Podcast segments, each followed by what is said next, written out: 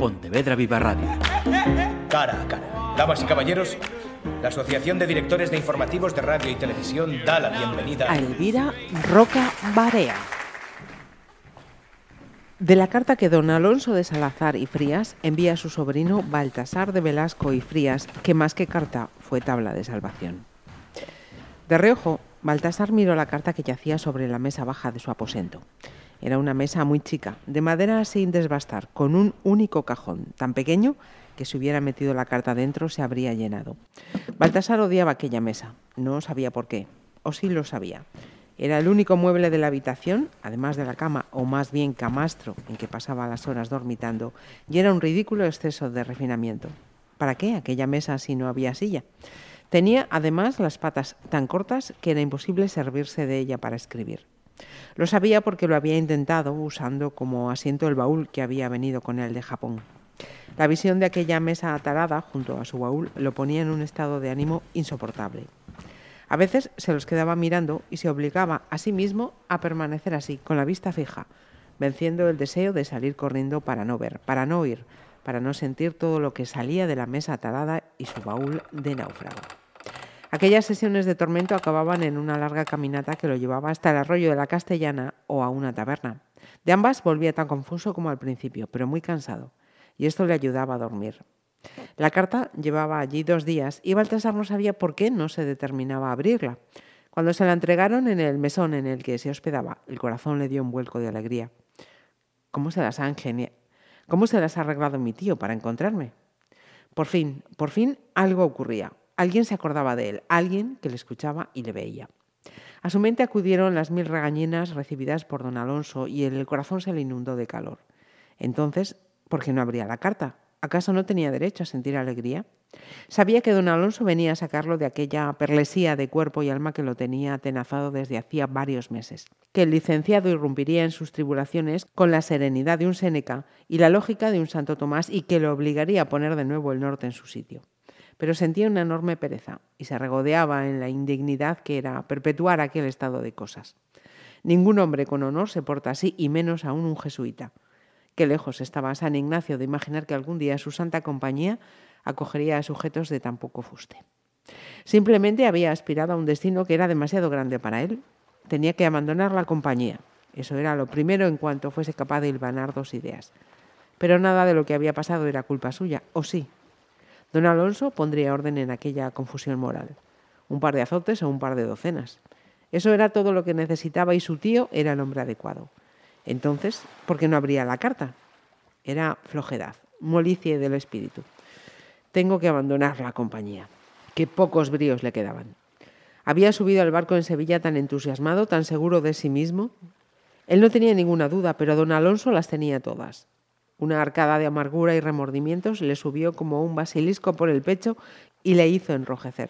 No soportaba sentir cómo se le teñían las mejillas sin remedio. Era muy blanco de piel y se le notaba muchísimo, pero sobre todo es que tenía 27 años o estaba por cumplirlos. Ya no era un muchacho, pero hacía meses que se sentía como una criatura. Mucho peor, como una criatura vieja, bajada. Qué inmenso desierto es el desengaño que media entre la ida y la vuelta. No hay torre que el tiempo y la experiencia no derriben. En realidad, es el tema por antonomasia de la poesía universal, mucho más que el amor. Y se recordó en la proa del barco, que lo llevaba a los confines del mundo con su hábito nuevo y crujiente, la faja bien ajustada y la alegría inmensa de ver por fin que había logrado algo grande y que lo había hecho por sí mismo. El ejemplar del Dictionarium Japonicum Duplex de Juan Fernández estaba tan sobado de pasar de unas manos a otras que habían decidido hacerse una copia para uso personal. El estudio de la lengua japonesa y del Catecismus Christianae Fidei In quo veritas trae religionis ostenditur del padre Malignano, les llevaba la mayor parte del tiempo.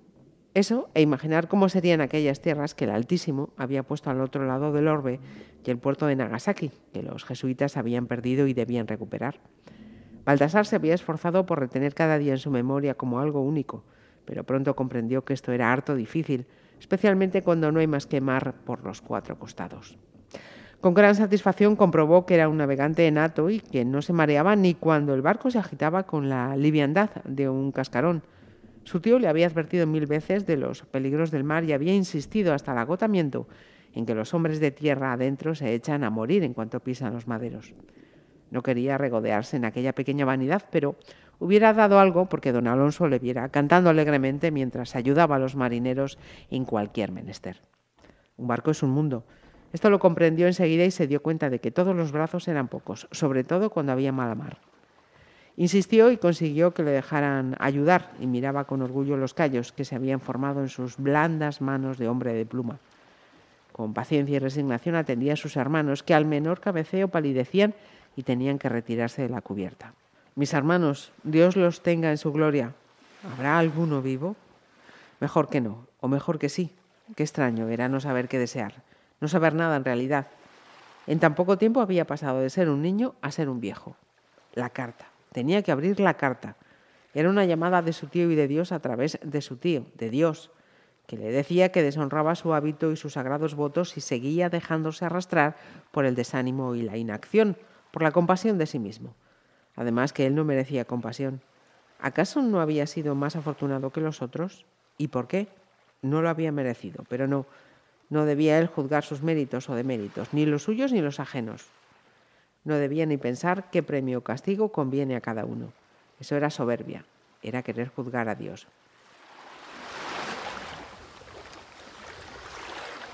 Vamos a dar en primer lugar la enhorabuena a Elvira Roca Barea por el premio Primavera de Novela con el libro Las Brujas y el Inquisidor. Felicidades, Elvira. Pues muchísimas gracias. Ha sido a nadie le marga un dulce, ¿verdad? desde luego, desde luego que no. Estamos, Elvira, ante una novela histórica y te pregunto, ¿totalmente fiel a los acontecimientos o te has permitido alguna licencia para componer la narración? Lo que se refiere al marco histórico es completamente fiel a los hechos. Todos los nombres de autores, por ejemplo, los hechos relacionados con Zugarramurdi, los nombres de las acusadas de brujería, los extractos de las de las testificaciones, todo eso y todo lo que se refiere a Alonso de Salazar, al obispo Venegas, a don Bernardo Sandoval, eh, todo eso es histórico. Y lo que no es histórico también lo es en la medida en que, bueno, me he permitido la creación de algunos personajes porque mm, eh, había, en fin, la, hay una cierta dificultad estructural en cuanto a que yo sé que, por ejemplo, la conexión francesa es conocida por don Antonio de Venegas, el obispo de, de Pamplona, y también por, por Alonso, eh, don Alonso de Salazar, pero no sé cómo llegaron ellos a esos conocimientos. Entonces, no, no, no sintiéndome yo autorizada a, a, echarlos a los caminos a investigar o a que hiciera determinadas cosas que yo sé que no hicieron o no sé si hicieron, sí pues entonces esa información tenía que ser aportada por otros personajes, ¿no? Y un poco, pues, eh, claro, lo que he hecho ha sido, pues, el eh, Galdós, digamos, o sea, le, respetas al 100% el marco histórico y creas una serie de personajes que se mueven eh, en ese marco histórico que, que es el, docu el, que el que los documentos te permiten saber que existió ese ha sido, digamos, la, el sistema para, para no violentar. ¿no? Estaba pensando mientras decías esto, Elvira, en, en cierta dama francesa que aparece en, en tu novela. Em, si hablamos de inquisidores, la inmensa mayoría pensaremos en, en, unas personas que ya estaban totalmente condicionadas hacia, hacia una decisión o hacia un parecer y no precisamente em, en consonancia con la figura principal de este libro, Alonso de, Salazar, que no creía en la, en la brujería. Bueno, realmente si pensamos lo que pensamos es porque nosotros estamos condicionados. Es decir, estamos, y estamos condicionados desde el siglo XVIII. Desde que Schiller creó eh, en el Don Carlos esa figura arquetípica del inquisidor malvado, asesino y fanático, y se transformó, pues como digo, en un arquetipo literario, es decir, en un, en un personaje tipo que emigró de la obra literaria que le había dado origen. Eh, hay casos en la literatura de esto, ¿no? Nosotros tenemos varios en la nuestra, ¿no? Nuestro Don Juan, etcétera, ¿no? Entonces, a partir del momento en que se crea ese arquetipo, que de, imagínate la resonancia que tiene en Europa, porque Schiller es un genio, claro. evidentemente, ¿no? Entonces, de ahí pasa la ópera de Verdi y ya te lo encuentras en Dostoyevsky, te lo encuentras, de, bueno, en, en infinidad de obras, eh, vamos, la, el nombre de la rosa mismo, ¿no? Entonces, eh, eh, una vez que ese arquetipo está creado, eh, devora la realidad. Es decir, Alonso de Salazar fue un hombre excepcional en su tiempo, pero no estaba solo. él jamás hubiera podido eh, sacar adelante sus propuestas si no hubiera contado, por ejemplo, con el apoyo de don Bernardo de Sandoval, el inquisidor general. Otro que no cree en las brujas, por ejemplo. es decir, eh, que no es una figura tan, tan, tan excepcional eh, como nos pudiésemos imaginar. Lo que sucede es que nosotros tenemos en nuestra cabeza, porque ya está ahí desde hace siglos, ese arquetipo y ese arquetipo ha devorado la realidad. O sea, eh, si, si un inquisidor no encaja en el molde del malvado, terrible, fanático, asesino, inquisidor de Schiller, no puede existir. El otro día me entrevistaba una joven que decía, pero es que está usted diciendo que un inquisidor es bueno. Digo, sí, hija, sí, eso es lo que estoy diciendo. y, y, entonces la criatura dice, es que se, me está, me cruje el cerebro solo de pensarlo. Digo, ya, ya, yo comprendo que cruje el cerebro.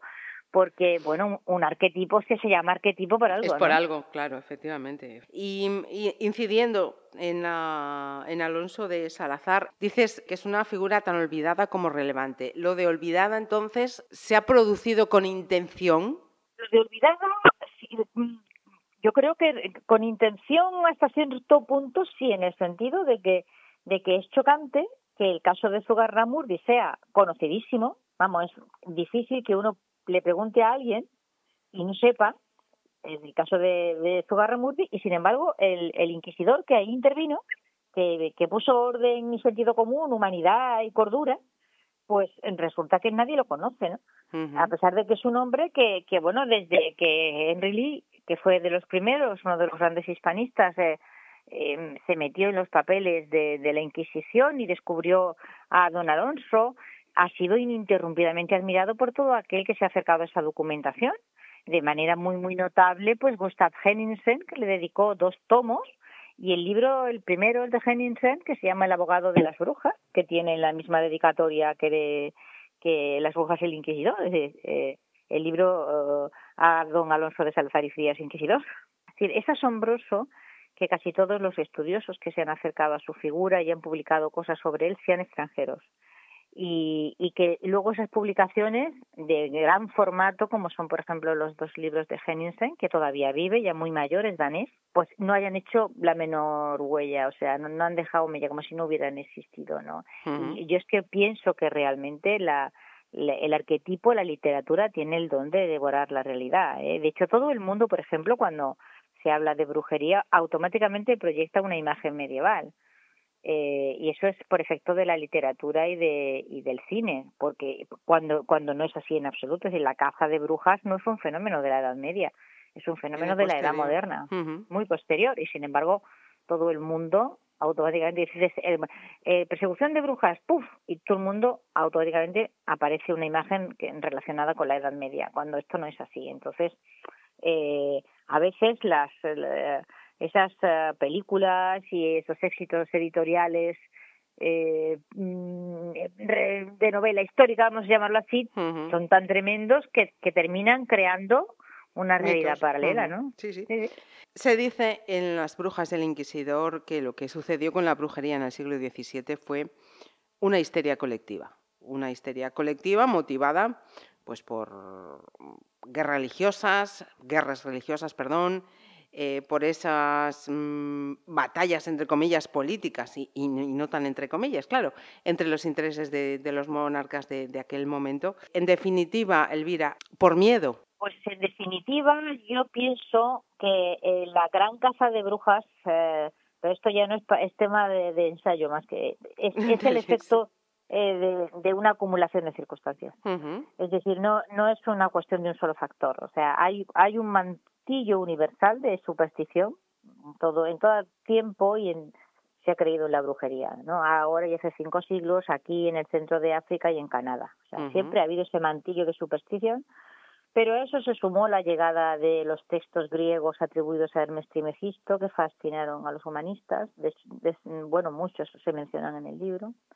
y los en fin y los hicieron devotos de, del ocultismo la nigromancia la alquimia, etcétera, ¿no? Entonces eso eso le dio un primer salto cuántico de prestigio, lo que era una cosa que no tenía socialmente ningún prestigio, que nadie de un cierto nivel se hubiera dicho a sí mismo que era aficionado a tales cosas, ¿no? Entonces hay, hay, ese primer momento de prestigio pero luego incontinenti, o sea, en, en, en, pocas décadas se desatan las guerras de religión en Europa, que es un factor eh, que es como echarle un bidón de gasolina a una hoguerita que, bueno, que no era muy grande, pero, pero a partir de ese momento ya lo fue brutalmente, porque está demostrado ya, y esto hay muchos estudios, que las guerras de religión uh, fueron, uh, están muy relacionadas con, con uh, la caza de brujas, es decir, las persecuciones de brujas y brujos fueron más intensas y más duras allí donde las guerras de religión fueron más intensas y más duras.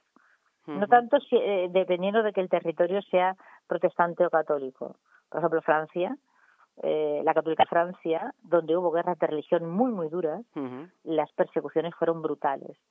Y casi todos nuestros casos, si te fijas, si investigas un poco, eh, están en la, en la cornisa norte, cerca del territorio francés. Y lo mismo pasa en, en Italia. Casi todos los casos están en el norte, cerca de la frontera francesa o de la frontera del Sacro Imperio Romano Germánico, entonces, ¿no? Alemania para entendernos, ¿no?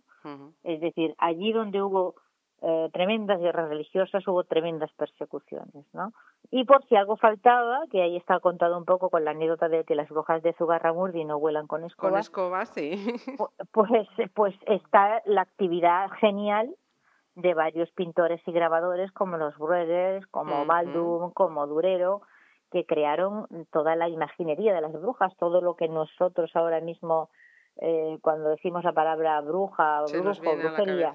Claro, exactamente. Entonces, el mundo de Halloween, digamos, el mundo de Halloween y de Harry Potter, pues eh, lo dibujaron estos señores en aquel tiempo. Claro, en otra época, sin imprenta, pues sus dibujos, sus imágenes hubiesen sido vistas por unos cuantos. Pero en este momento, la imprenta está en condiciones de escupir por cientos cualquier hoja volandera con un grabado de una bruja volando. Y entonces ese es el motivo por el que en un momento determinado las brujas del norte, de hecho se pueden fechar esos grabados y seguir la secuencia temporal de las brujas apareciendo volando con escoba, pero como no habían llegado todavía a, este territorio, al territorio del Pirineo, pues entonces eh, nuestras pobres brujas no saben que tienen que utilizar una escoba y vuelan como pueden. Mira, me, alegro que hayas eh, citado esos eh, casos actuales porque mm, quería eh, terminar esta charla preguntándote que si la, la brujería, el, esoterismo era en el siglo XVII un engaño colectivo, ¿qué es actualmente? Pues el mismo engaño.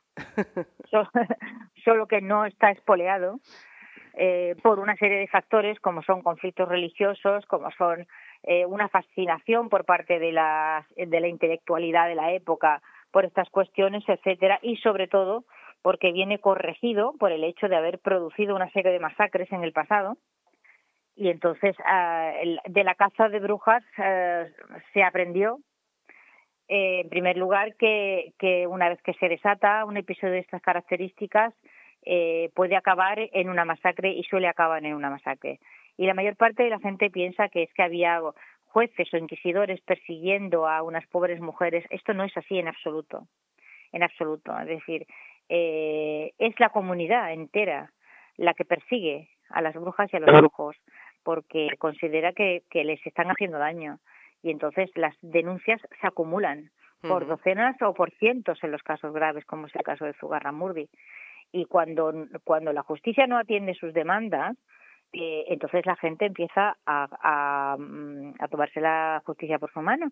Y bueno, eh, hemos, mm, eh, en fin, la Inquisición siempre ha traído morosamente el interés de todo el mundo, ¿no? Todo el mundo sabe que hubo un auto de fe, todo el mundo sabe que ahí fueron justiciadas varias personas con el crimen de brujería, pero todo el mundo ha olvidado piadosamente que el pueblo, el, el, ese pueblo siempre tan amable y tan amante de la naturaleza, eh, linchó a un buen montón de personas en la montaña. Es decir, que, que, que, era, era muy peligroso no hacer caso de esto. Y por eso don Alonso de Salazar pues se recorrió durante ocho meses eh, toda la zona con el edicto de gracia, porque si la Inquisición hubiera decidido no hacer nada por el procedimiento de nada, de nada, eh, hubiera pasado lo que pasó luego del edicto de gracia, es decir, que los, las denuncias se acumularon en los tribunales civiles y cuando en esos tribunales no se les hacía el caso que se pensaba que, que tenían que hacerles, exactamente, pues la gente linchó a sus vecinos y hubo muertos, hubo, hubo casos terribles. El de ese que yo narro hoy de esa señora embarazada, sí. que la que la mataron sus vecinos. Es una cosa horrorosa. Desde luego. Claro, eh, eh, entonces no era la opción, no, no se hace nada, era tan peligrosa como la otra. Es que era un polvorín.